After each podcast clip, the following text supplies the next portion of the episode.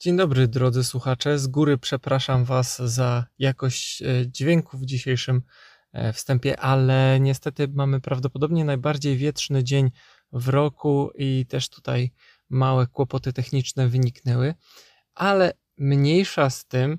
Dzisiaj temat, który jest taki całkiem intrygujący ze względu na to, że zazwyczaj uważa się czy też może nie uważa się powszechnie, ale jest y, jakieś takie przypuszczenie, że magik jest kimś trochę takim podobnym do komika, e, bo magik przecież ma bawić i dawać rozrywkę. No, z tym, że to właśnie nie jest do końca takie proste. Dlatego postanowiliśmy ugryźć ten temat i pozastanawiać się nad tym, czy da się dobrze połączyć magię z komedią, bo e, nie jeden raz słyszałem wywiady z różnymi stand-uperami, którzy mówili, że zazwyczaj jeśli ktoś nie jest dobry w stand-upie, nie sprawdza się, to szuka jakichś takich urozmaiceń, tak zwanych gimmików, żeby czymś wyróżniać się z tłumu e, tych komików. I przykładowo właśnie czasami niektórzy komicy uczyli się magicznych efektów, żeby właśnie czymś się wyróżniać e, i przykuwali uwagę tym, tym, tym aspektem magicznym i mogli być niekoniecznie dobrymi komikami, ale ich występ jakoś tam się wyróżniał, bo mieli to coś magicznego. Mm, natomiast, y, no właśnie, tutaj w dzisiejszym odcinku troszeczkę się pozastanawiamy, czy może istnieć ktoś taki jak dobry magik komediowy, czy też komik magikowy, o ile ktoś taki jest. Czy da się te dwie sfery ładnie połączyć i czy faktycznie wtedy, jeśli ktoś jest dobrym komikiem, nie będzie to odbierało wartości prezentowanej przez niego magii. Nad tym tematem pochylą się Maciej z Patrykiem, szczegółowo mm, go przeanalizują oraz przybliżą Wam sylwetki trzech postaci, które naszym zdaniem świetnie blendują te dwa światy. Nie przedłużając, zapraszam do odsłuchania tego odcinka. Ja nazywam się Jędrzej Waberski, a wysłuchacie internetowego, magicznego podcastu.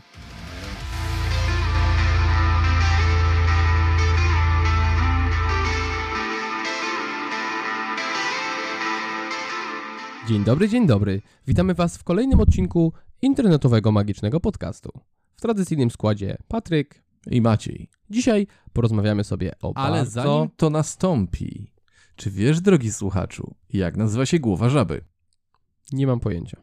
Patryk słyszał to jakieś 10 tysięcy razy, bo zwykle mu potem dowcip wszystkim. Głowa żaby nazywa się łebek. Tak, więc dzisiaj porozmawiamy o bardzo poważnym temacie, jakim nie jest głowa żaby, ale coś związanego z głową żaby, bo porozmawiamy sobie o magii i humorze. Przychodzi baba do lekarza z żabą na głowie. A tam magia. Nie. Lekarz pyta, co pani jest? A żaba mówi, coś mi się do tyłka przykleiło. Ha, ha, ha. Pamiętacie ten klasyk? Wiecie, czemu nadal jest śmieszny? Albo nie jest śmieszny, jeśli jesteście mną. Albo czemu kiedyś był śmieszny. I czy jest choć trochę magiczny. O tym dowiecie się wszystkim dzisiaj, prawdopodobnie. Trochę. O ile uda Ci się dzisiaj dokończyć słuchanie tego odcinka. A my nie pogubimy się gdzieś po drodze. Tak. I przyczynkiem do nagrania tego odcinka stała się wypowiedź Maca Kinga, który powiedział, że w dzisiejszych czasach nie ma już zbyt wielu komediowych magików. Co było dla mnie takim dużym zaskoczeniem, bo hej, wielu z nas korzysta z humoru. Wydaje mi się, że nawet większość magików i w kraju i na świecie korzysta z humoru ale w jego rozumieniu magia z wykorzystaniem elementów humoru, a magia typowo komediowa to są dwie zupełnie różne rzeczy. I po krótkim namyśle stwierdziłem, on ma rację. Wszyscy korzystamy z humoru, ale nikt z nas nie jest w stanie opowiedzieć się tak całkowicie po jednej ze stron. Dlaczego tak się dzieje? Jak korzystać z humoru? I co wspólnego ma zły dowcip i zła magia? A także dobry dowcip i dobra magia? Dowiesz się już dzisiaj. No to co? Lecimy. No to lub panienki. Patryku, Czym jest humor? No humor to jest wtedy, kiedy coś ten, jest śmieszne takie, no nie? Z humorkiem, Tylko się nie da. Hehehe, hop, żebrany za babę. znaczy się, ogólnie rzecz biorąc, humoru nie da się opisać, bo y, coś jest, albo jest śmieszne, albo nie jest i to trzeba po prostu coś takiego przypadkowo trafić, żeby to śmieszne było. Nie bądź śmieszny. No dobrze, nie jestem śmieszny. Znaczy się, nie wiem jak, bo to, to się przypadkowo dzieje. Niestety jest takie podejście niektórych, którzy nie za bardzo zastanawiali się nad humorem, że Rzeczywiście humor to jest coś, co albo nam się uda, albo nie i tak naprawdę to jest przypadkowe, co ludzi rozśmieszy. Tak, co więcej, e, pochodną te, takiego podejścia jest myślenie, że lepiej się nie wgłębiać w to, co jest śmieszne, bo człowiek straci umiejętność śmiania się i rzeczy śmieszne przestaną być śmieszne, bo zrozumiemy, jak działają. Tak. Jest to oczywiście błędne myślenie. Nie, jest to głupie myślenie. I, I z mojego doświadczenia wynika, że im głębiej zanurzam się w to, czym właściwie jest komedia i czemu coś jest śmieszne, tym coraz więcej rzeczy coraz bardziej mnie śmieszy. Bo dostrzegam przy okazji ich ukryte systemy z tyłu, z backstage'u, z tej strony, której jako odbiorcy zazwyczaj nie powinniśmy widzieć. Tak, więc jako humor tutaj rozumiemy wszystko to, co powoduje, że kąciki naszych ust idą w górę, a endorfiny radośnie wydzielają się do krwiobiegu. Bo chcemy tego czy nie, śmiech jest naturalną reakcją ludzkiego organizmu. Zresztą nie tylko ludzkiego. Każdy z nas pewnie widział różne filmiki w internecie, gdzie różnego rodzaju Naczelne. naczelne śmieją się z różnych rzeczy. No, jest to dla nas naturalne. Nie jesteśmy w stanie tego uniknąć. A jako, że nie jesteśmy w stanie tego uniknąć, to musimy być w stanie też zrozumieć proces. I ten proces tam zachodzi.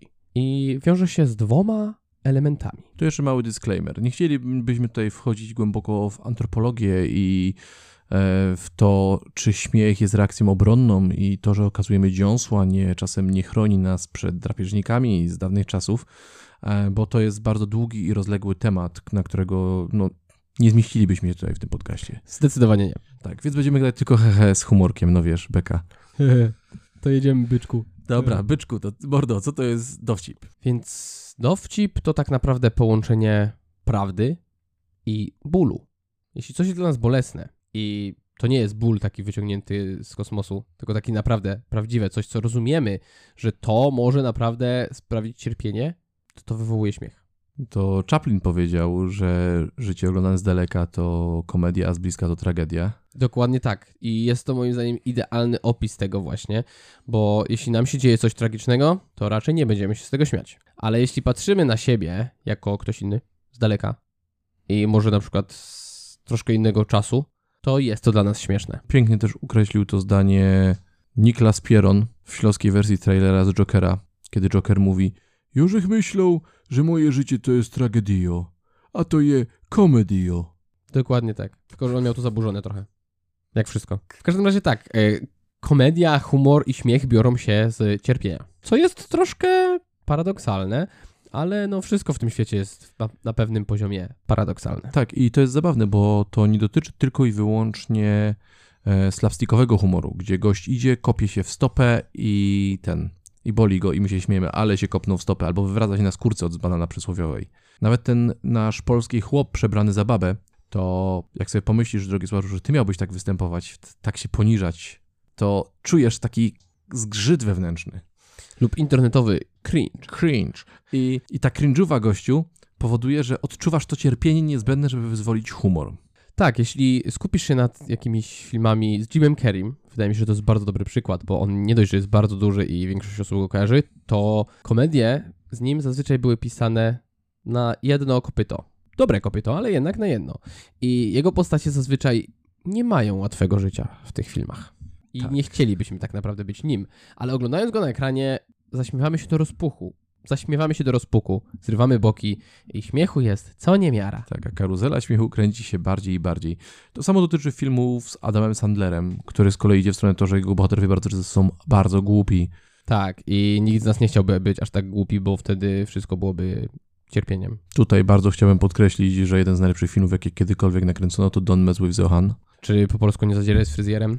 I y, będąc dorosłym człowiekiem z aspiracjami intelektualnymi, pragnę zaznaczyć, że to jest jeden z lepszych filmów, jakie w życiu widziałem. Tak, szczególnie jeśli wciśniesz go pomiędzy y, słuchanie Bacha, a czytanie Finneganów Tren. W oryginale oczywiście. E, Od przodu i tak jest dostatecznie trudne. Znaczy Finneganów Thread jest absurdalny. Tak czy owak.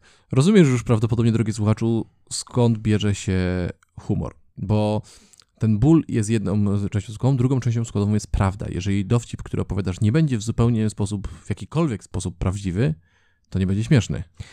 Tak, udało mi się kiedyś trafić na tomik y, dowcipów, który był skierowany do oficerów Wojska Polskiego w latach dwudziestych. Niech zgadnę, śmiałeś się jak młody. Nie byłem w stanie zrozumieć nic, absolutnie nic, a to była cała książeczka wypełniona dowcipami, która była bestsellerem w swoich czasach. a dla mnie była absolutnie niczym. Jakby była, pusta, byłaby tak samo śmieszna. Zresztą, e, nawiązując do tych starych dowcipów, przychodzi baba do lekarza, które kiedyś były bardzo, bardzo, bardzo zabawne.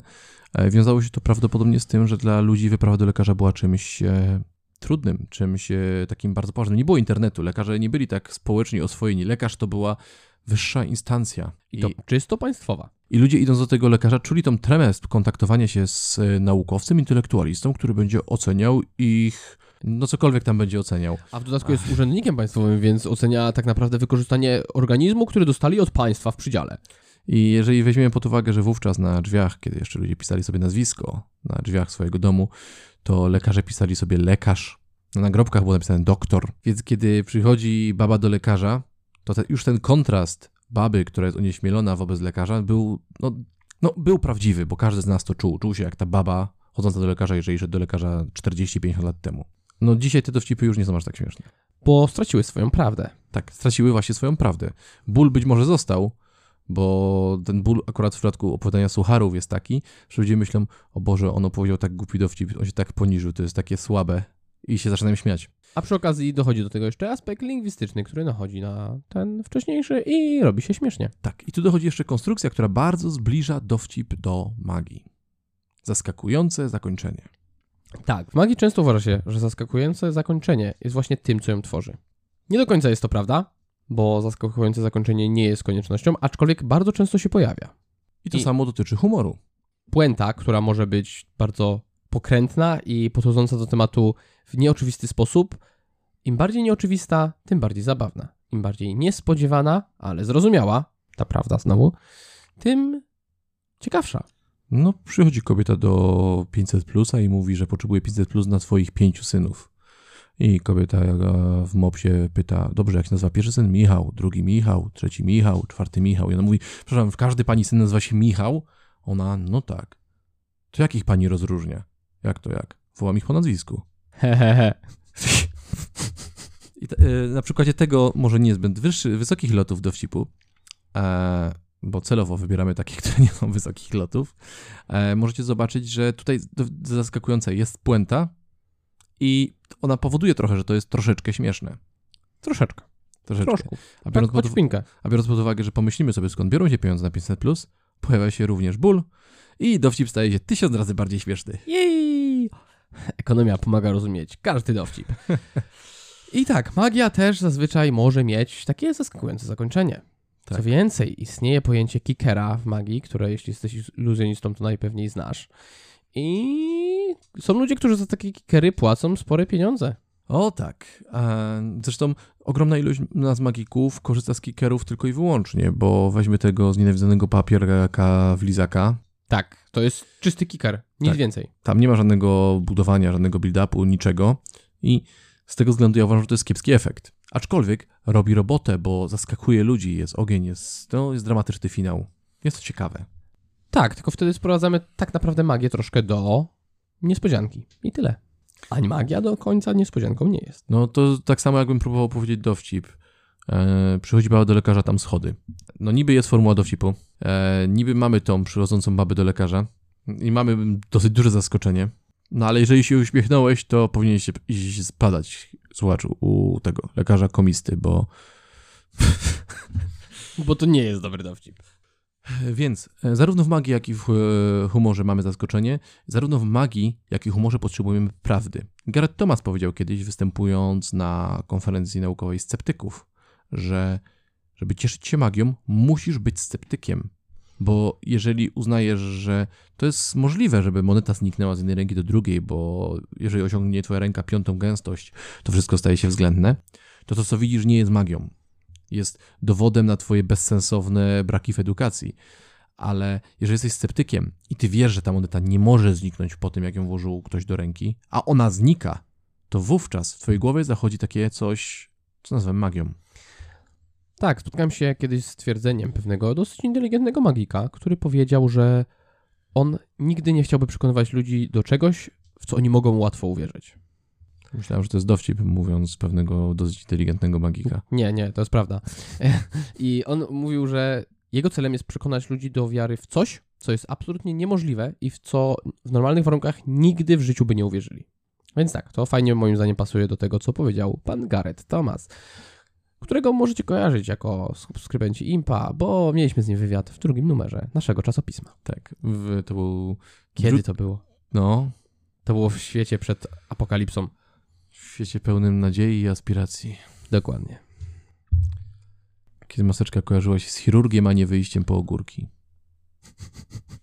I jeżeli teraz się uśmiechnąłeś, drogi słuchaczu, to stało się tak dlatego, że to, co powiedziałem, było zaskakujące i było prawdziwe. I przy okazji było bolesne. Było zdecydowanie bolesne, bo ja uśmiechnąłem się. Ja też. Więc mamy te punkty styczne, które różnią magię i humor. I, a czy jest coś, co dzieli magię i humor? Znaczy te punkty styczne łączą. Tak, ale czy są też jakieś punkty rozstyczne, czy odstyczne? No na pewno, magia jest magiczna, a humor jest śmieszny. Magia ogólnie rzecz biorąc nie musi być e, śmieszna. Magia ma zaburzyć to, czego oczekujemy od świata, od tego, jak on powinien funkcjonować. Humor nie do końca musi być taki zaskakujący. I nie do końca musi zaburzać bieg przyczyny i skutku powiązanych razem tym łańcuchem pośrodku. Natomiast magia musi jakoś wpłynąć na to. Musi zrobić to w sposób logiczny, który moim zdaniem tutaj odnosi się do tej prawdy, ale musi zrobić to w sposób całkowicie niemożliwy, który trochę koresponduje z tym humorzastym bólem. Znaczy, to, co mnie teraz uderzyło, kiedy o tym myślę, to zarówno magik, jak i komik muszą twardo stać w prawdzie. Bo i my, jako magicy, i wy, jako komicy, bardzo mocno odbijamy się od tego, co jest prawdziwe, co jest rzeczywiste, co jest e, fundamentalne wręcz. Tylko komik bierze tą prawdę i pokazuje, jak wiele cierpienia w niej się czai, a magik bierze tą prawdę i pokazuje, jak wiele niezwykłości w niej się czai.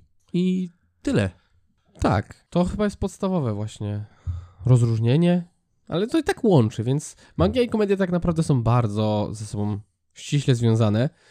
I wydaje mi się, że jakbyśmy przeszli na poziom neurologiczny, to też byśmy znaleźli, że obydwie są dosyć mocno zakorzenione w naszych mózgach. Dobrym przykładem jeszcze takiej prawdy, w której korzystają komicy, będzie tutaj sketch stand-upera polskiego, Uuu, u pana Lotka, nie znam. u, o tym, jak pewien dziadek został zgwałcony na śmietniku. Serdecznie polecam, nie będę przytaczał, ale każdy z nas wyrzuca śmieci. Każdy z nas wie, jak wygląda dziadek i każdy może sobie wyimaginować, jak wygląda gwałt.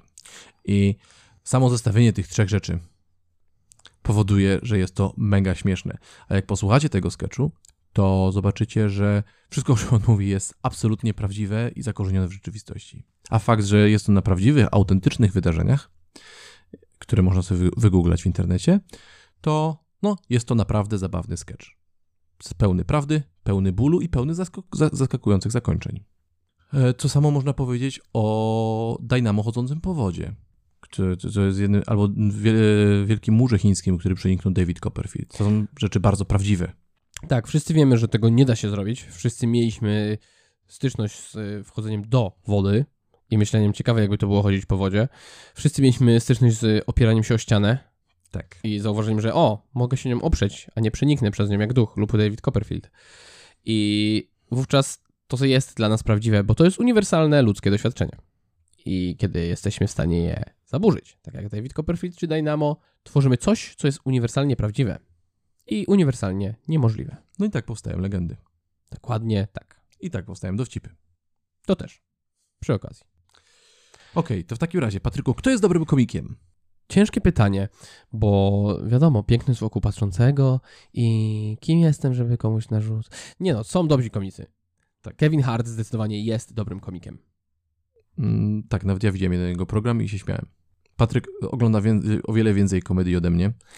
Ja, no, lubię komedię, choć pewnie nie tak wiek- jak większość ludzi, żeby się pośmiać. Ja lubię wiedzieć, jak ona działa, więc dlatego często też oglądam różne rzeczy, które nie do końca są tak śmieszne, jakby chcieli twórcy, lub są bardziej śmieszne, niż ktokolwiek się- by się spodziewał. I na przykład z dobrych komików jeszcze bym koniecznie wymienił Grzegorza Halamę. Grzegorz Halama jest absolutnie fantastycznym komikiem. W Polsce też y, rozkwitł kiedyś bardzo Abelard Giza. Mhm. Nie będę tutaj wchodził w kabarety, bo kabarety to troszkę co innego. Tak, ale Monty Python. Monty Python, no, Monty Python też był tak śmieszny, że do dzisiaj wszyscy pamiętają, a już większość z nich nie żyje. Tak. Co więcej, nawet rzeczy, które już przestały być śmieszne, y, stały się dalej tak, są dalej bardzo istotne w naszej świadomości. Przypomnijcie sobie piosenkę z żywotu Briana. Always look on the bright side of life. Tak, każdy ją praktycznie kojarzy. Tak. No, piosenka jest fajna. Ale gdybym wam powiedział, e, że rzym, rzymski żołnierz krzyżuje sobie skazańca, przybił mu te ręce gwoździami, walnął mu na głowę koronę ciernią, ten skazaniec ma taką no, twarz, po, po, no, skatowany, biedny człowiek. Żołnierz patrzy na niego, on nagle zaczyna sobie śpiewać trzeba patrzeć na jasne strony życia i się buja na tym krzyżu, to to jest odpowiednia ilość prawdy i bólu, żeby się uśmiechnąć. Tak. Wiadomo, trzeba do tego dostać, dodać odpowiednią prezentację i odpowiednią formę przekazu, ale tak, to jest samo w sobie na tyle śmieszne. E, oczywiście jest to trochę obrazoburcze. Oczywiście naszą ideą nie jest kogokolwiek obrazić czy śmiać się z kogokolwiek w tym momencie, tylko pokazujemy wam mechanizm, że ten dowcip, który jest ukryty w piosence i nikt na niego nie zwraca uwagi, powoduje, że ta piosenka staje się lepsza niż powinna być nawet. Zdecydowanie. Plus wśród dobrych komików wymieniłbym jeszcze danego Bucklera. O którym jeszcze wspomnimy. Tak jest. Bo dany Buckler był moim pierwszym kontaktem z takim prawdziwym komikiem. I takim magicznym naprawdę wręcz komikiem. O tak. Zresztą jeśli ktoś go kojarzy, to wie, a jeśli nie, to zaraz się dowiecie. Tak. W każdym razie, e, dobry komik musi być osobą, która stoi w rzeczywistości, która jest w miarę oczytana, która wie, co się dzieje, wie, co kręci ludzi, wie, co boli ludzi i potrafi bić po tym młotkiem. Tak, potrafi wywlekać te wszystkie bóle, traumy i cierpienia na pierwszy plan i roztrząsać je tak, że nie płaczemy, tylko śmiejemy się do rozpuku. No, ten przysłowiowy chłop przebrany za babę, tam Mariolka była bardzo popularna swojego czasu i to było popularne w kręgach takich familijnych, gdzie typowy nestor naszego rodu wyglądał jak pan Janusz, z wąsem, dużym brzuchem i piwem w ręce. I patrząc na tą Mariolkę, zaryzykuję twierdzenie, że jak patrzyliśmy na naszego Janusza rodzinnego i wyobraźmy sobie jego przebranego za babę, to odczuwaliśmy taką porcję cierpienia, że było śmiesznie. A gdybyśmy mieli spotykać się z czymś takim w domu na co dzień, to byłoby jeszcze gorzej. Na szczęście większość z nas nie ma takich doświadczeń. Tak. A kto jest dobrym magikiem? Mac King. Wymieniać dobrych magików jest nam zdecydowanie łatwiej, ale zarówno McKing, jak Eugene Berger, jak Paul Harris, jak David Blaine, Chad Long. Chad Long, oni wszyscy dosyć mocno stoją po tej prawdziwej stronie życia. Oni wiedzą, jak działa świat, oni wiedzą, czym jest świat i wykorzystują to do tego, żeby no, miażdżyć ludziom czaszki. Zdecydowanie. Oni też muszą stać w tej prawdzie, bo inaczej nie byliby w stanie nią operować i nie byliby w stanie wyciągać z niej tej całej magicznej esencji. E, Czyli tutaj również mamy tak naprawdę pełną paralelność e, magii i komedii, bo zarówno magik, jak i komik no, ma te same cechy tak naprawdę. Trochę tak, to jest jakby ten sam wektor, tylko w różne strony skierowany, Bo patrząc na stand-upy Russella Branta, którego mi się zdarzało oglądać, które polecam serdecznie. on jest całkiem oczytanym gościem. Tak. Całkiem oćpanym i całkiem oczytanym. Tak, co go bardzo zbliża do wielu wymienionych przez nas wcześniej iluzjonistów. Tak. Zdecydowanie. Może poza tym ćpaniem. Paul Harris No- widzi, no co dobra. mówisz i krzywi się z niechęcią. No dobrze, może, może przesadziłem troszkę. I tak naprawdę rozumienie tego, jak bardzo blisko magia i komedia występuje, dla mnie nastąpiło w momencie, kiedy byliśmy na Beat the Wand, takim turnieju dla magików, gdzie na publiczności byli tylko magicy. Tylko magicy na magicznej konferencji, gdzie nie mogli wejść ludzie z zewnątrz. Co więcej, nie powinni tam wejść nigdy w życiu ludzie z zewnątrz, ani ludzie młodzi. Zbyt młodzi, tak.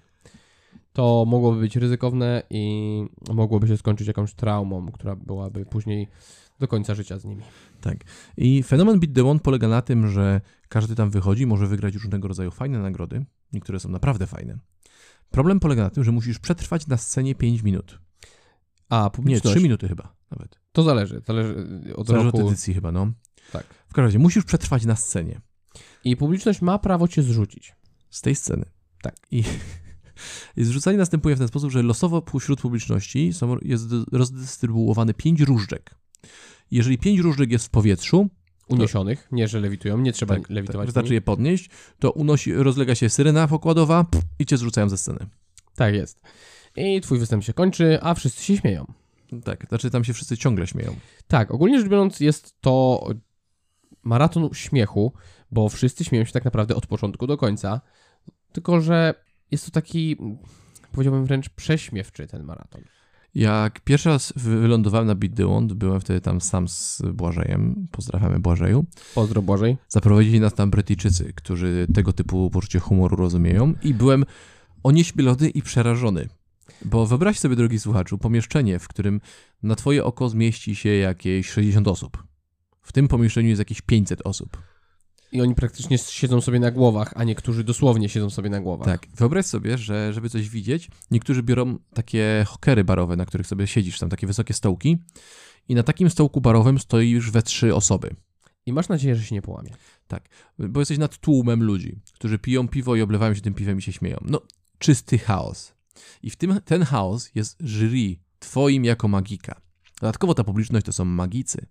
W związku z tym raczej nie zaskoczysz im tym, że karta po potrząsaniu w rękach widza się zmienia. Oj nie, zdecydowanie nie. Plus, y, powtórzmy to, to jest zamknięty event, gdzie wiesz, że ludzie z zewnątrz cię nie zobaczą, twoja rodzina cię nie zobaczy, twoi znajomi z pracy cię nie zobaczą i nigdy nie dowiedzą się, to, co się tam wydarzyło. Łącząc to wszystko, możesz sobie wyobrazić, że poczucie humoru tam jest dosyć y, hermetyczne i takie, z którym nie wyjdziesz do ludzi, bo no, nie wypada po prostu. Tak. I to jest w bardzo dyplomatycznych słowach ujęte. I śmieszne jest absolutnie wszystko. Sam fakt tego, że ktoś tam występuje. Tak, choć najśmieszniejsze, co się przydarzyło, moim zdaniem, to było kiedyś, jak ludzie, niektórzy doszli do wniosku, że to jest normalne wydarzenie, e, w którym trzeba po prostu porządnie się przygotować. I nie rozumieli specyfiki tego i przyszli, myśląc, że to jest normalny, magiczny konkurs. Tak. Przyjechali tam kiedyś ludzie, którzy zbudowali sobie takie maskotki wielbłądów, przebrali się za jakichś obywateli krajów arabskich i na takich niby wielbłądach tam jeździli po scenie i chcieli opowiadać jakąś historię. Tak, przygotowali, napisali scenariusz, mieli wszystko przećwiczone. Wytrzymali na scenie jakieś 23 sekundy. Coś w tym stylu. E, Z drugiej strony gość, który lewitował własne genitalia, Może wygrał. nie idźmy dalej w to. Wygrał. Tak, y, dzieją się tam takie rzeczy, które no, nie przystoją w normalnych warunkach, aczkolwiek idealnie pasują do tej publiczności. Tak, właśnie to jest to, że ta magia tam jest naprawdę dopasowana do publiczności. Beat the Wand regularnie wygrywa dzieciak, który występuje z ojcem, ale nie będziemy mówili tego, co robią. Nie, nie, wypada, nie wypada tego No, mówić. nie, naprawdę nie wypada tego mówić, ale ta publiczność tam, publiczność magiczna, a publiczność artystyczna, która ma bardzo mocno przesunięte normy tego, co jest akceptowalne, I zazwyczaj są to ludzie o bardzo wysokiej otwartości, jeśli Tak. chodzi o osobowość, to tam takie rzeczy przechodzą bez problemu i są uważane za najlepsze na świecie. Tak. Jeszcze tylko dam jeden przykład a propos tego, jak jest śmieszne. Tutaj mam nadzieję, że Patryk mnie nie zacznie krygować spojrzeniem. Zaraz zobaczymy. Na jedny Beat the Wand wyszła dziewczyna, bardzo atrakcyjna kobieta, która stwierdziła, że wygra to, wykorzystując swoje kobiece względy. Więc wyszła na scenę i zaczęła się rozbierać, robiąc striptease. Wytrzymała jakieś 13,5 sekundy.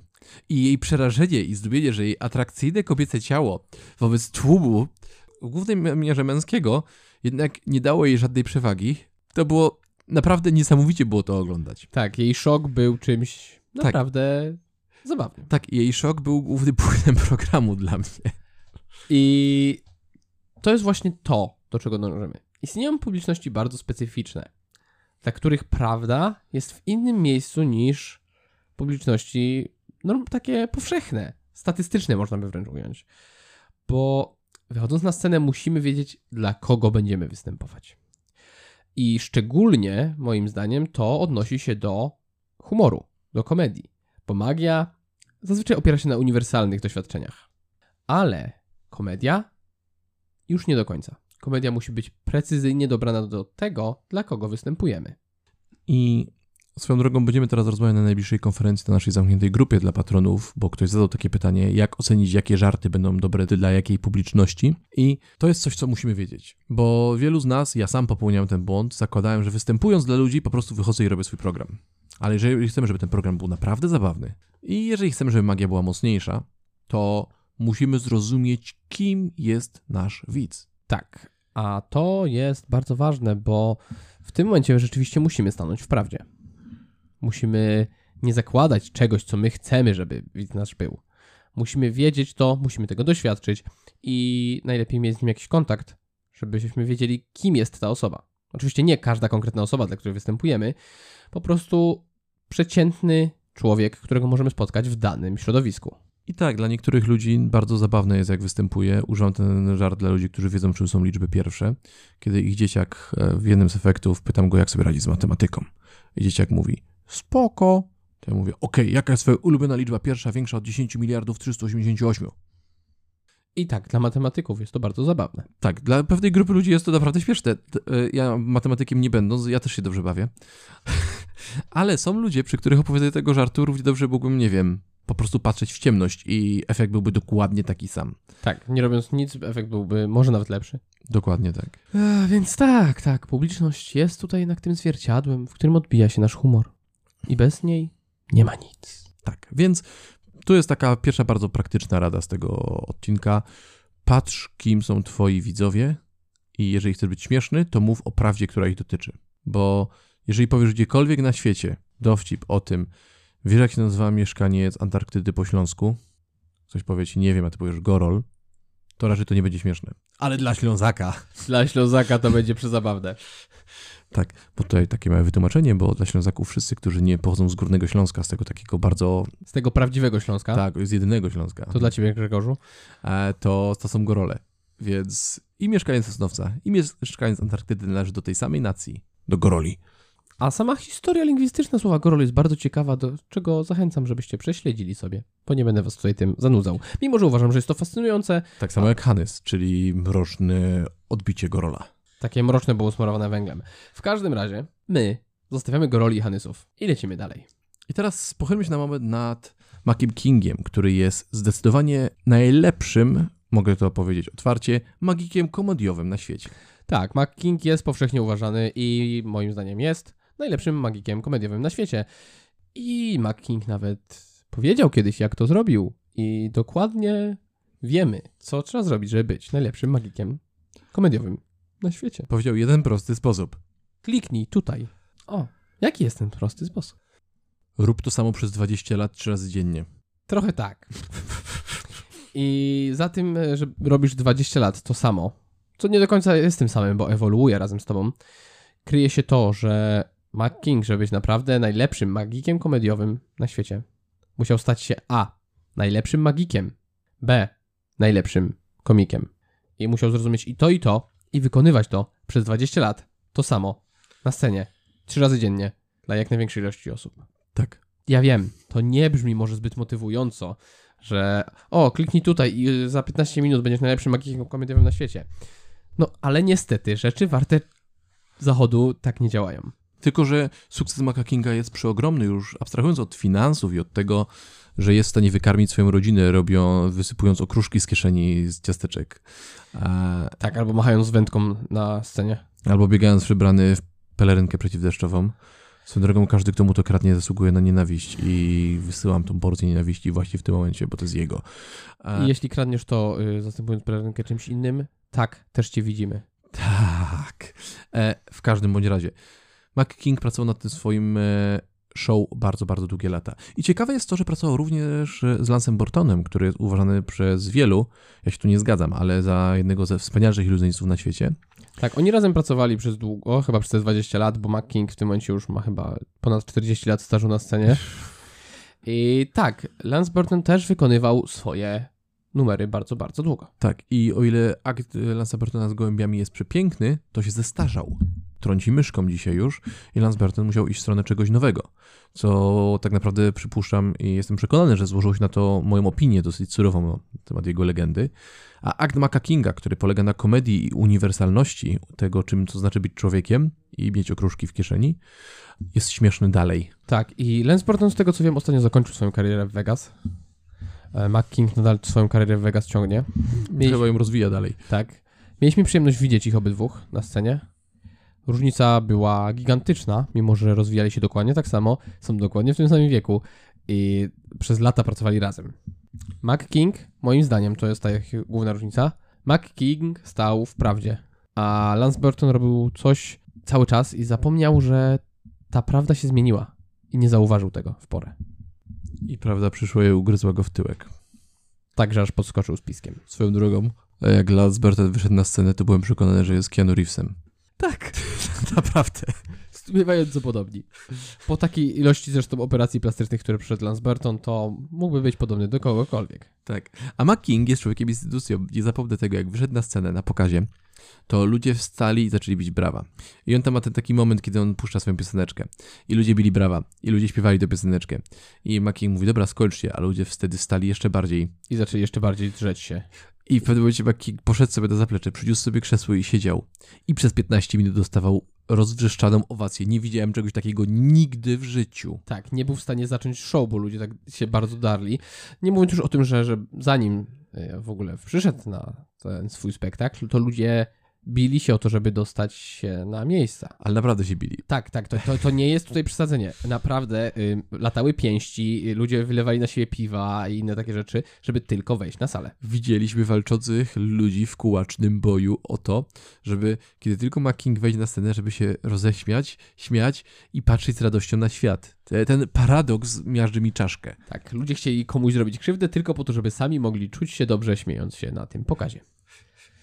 Z obitymi knykciami, no. Oh yeah. I piwem wylanym na swoją głowę. Tak.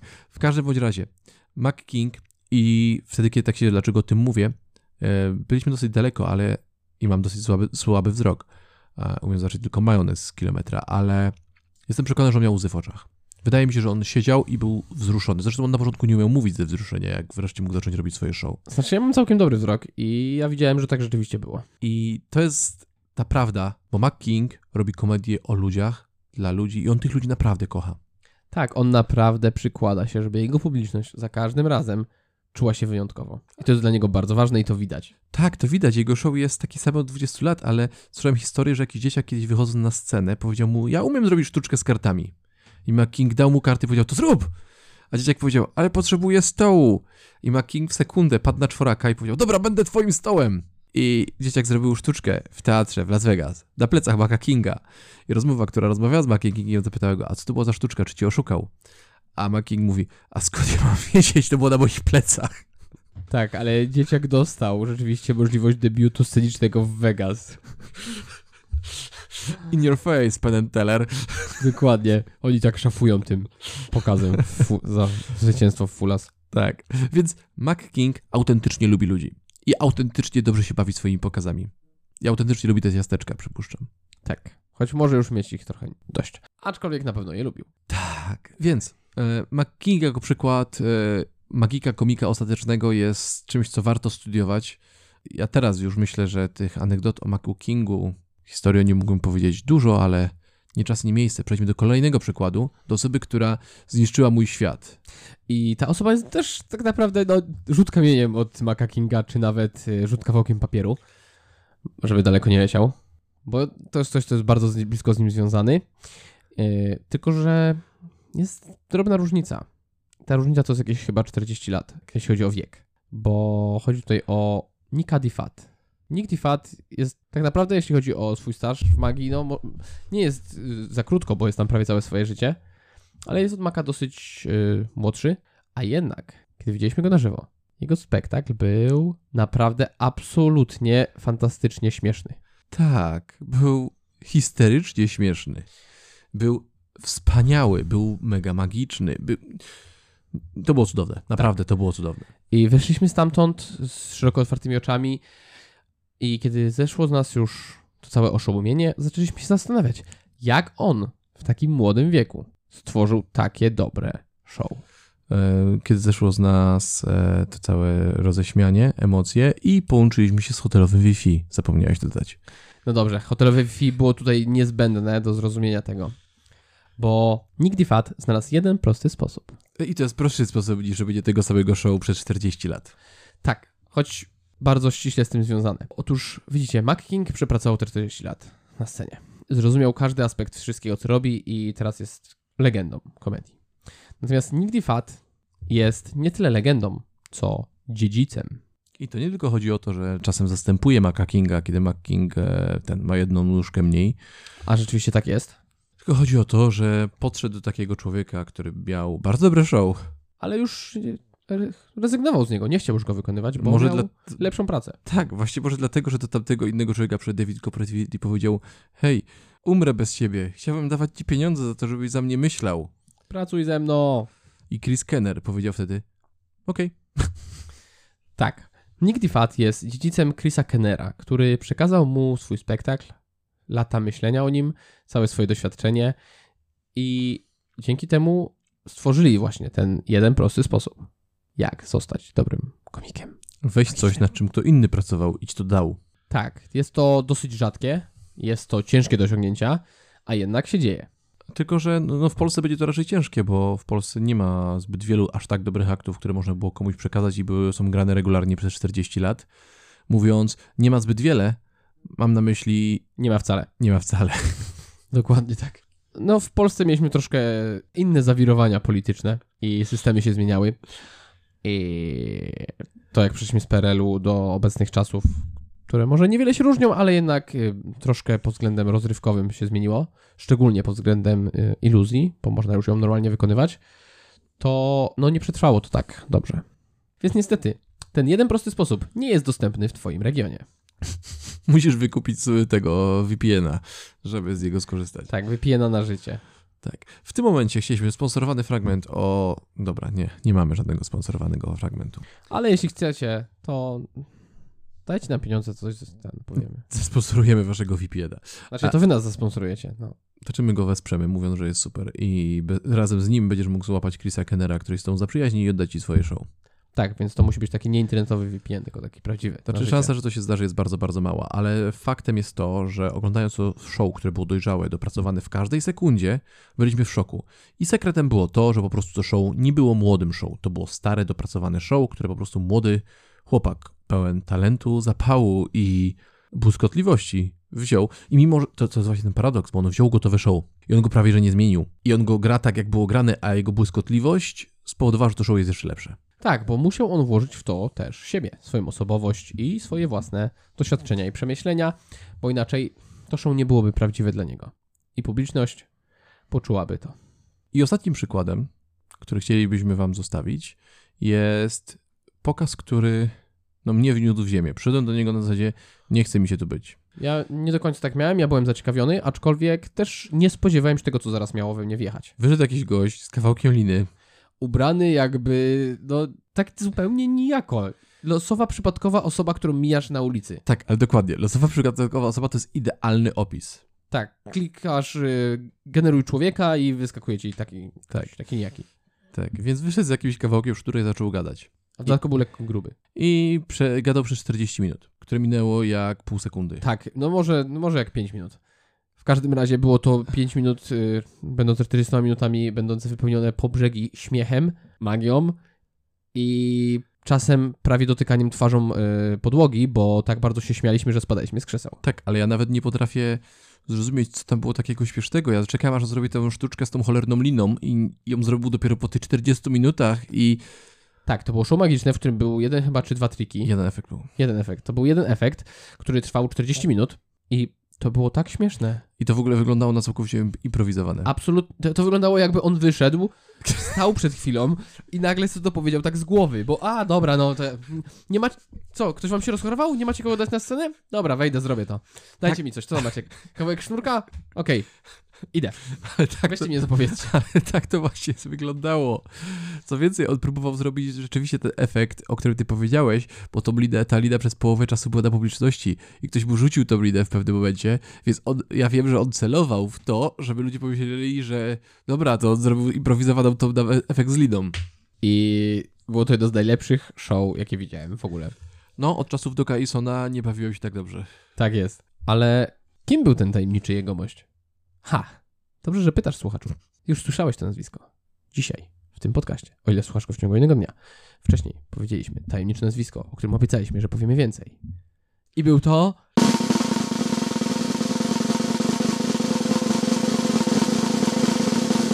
Dany Buckler. Jeee!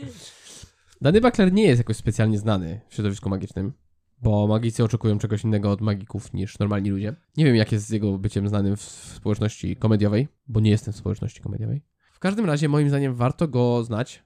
Jeśli będzie ktoś miał kiedyś możliwość zobaczyć jego show, zdecydowanie warto. Tak, bardzo warto, jak to jest tylko możliwe. I tak, jest to gość, który. On o sobie mówi, że jest komikiem, ale magia jest jego pasją. I połączył te dwa elementy, I moim zdaniem udało mu się stworzyć coś naprawdę niepowtarzalnego. Bo on przede wszystkim jest komikiem właśnie. On najpierw wychodził na scenę i po prostu mówił do ludzi, a oni się śmiali. I potem dodał do tego magię. I efekt jest piorunujący. E, No, depcze mi po głowie. Ilekroć sobie przypomnę to show, nie pamiętam z tego nic, poza tym, że on wygląda nijako i trzyma ten kawałek sznura w głowie, znaczy w ręce. I pamiętam to, że śmieje się tak bardzo, że nie mogę wytrzymać. Tak, ja też nawet nie pamiętam, co tam się działo, ale pamiętam, jak się czułem. Pamiętam, że to było tak śmieszne, że no, nie wiem, kiedyś tak śmiałem. Tak, e, co jest zabawne, bo moje rozumienie jego twardego angielskiego akcentu nie jest zbyt dobre. Ja nie rozumiałem 100% tego, co on mówi, bo on mówił wtedy jeszcze z takim dosyć trudnym akcentem. Tak, no swoim, normalnym, który dla nas Polaków jest troszkę trudniejszy do zrozumienia. Aczkolwiek było super, więc e, jeżeli chcesz zrozumieć, czym jest humor i co łączy humor z magią, zacznij od Maca Kinga, zobacz dopracowane show robione przez jego twórcę. Potem powinieneś skoczyć, zobaczyć Nika Fiat, zobaczyć jak wygląda dopracowane show, do którego ktoś wpompował świeżą krew. A potem zapasz sobie herbatki i zerknij na Danego Bucklera. który zmieni ci jako człowieka. Oj tak. Bo on dosyć intensywnie działa w internecie, mówiłeś kiedyś, nie? Nie wiem, jak jest z jego spektaklem. Wiem, że on jest w internecie, wiem, że on y, wrzuca różne rzeczy. Przez jakiś czas robił relacje, na których robił też live'y y, i robił tam swoje dywagacje na temat zen, medytacji i innych takich rzeczy.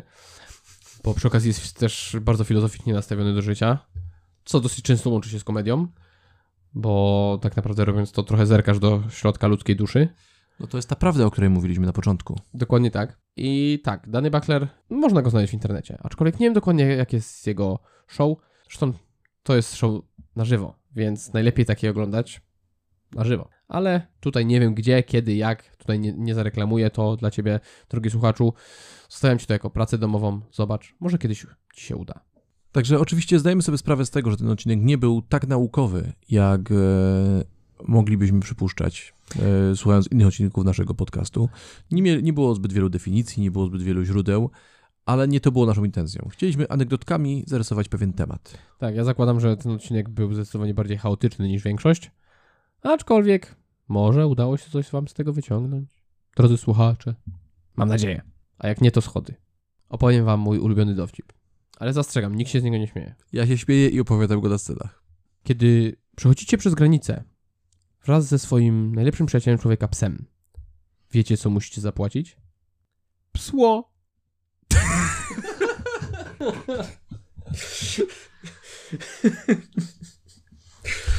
Więc tym psim akcentem żegnamy się z wami. Trzymajcie się. Cześć. No nara.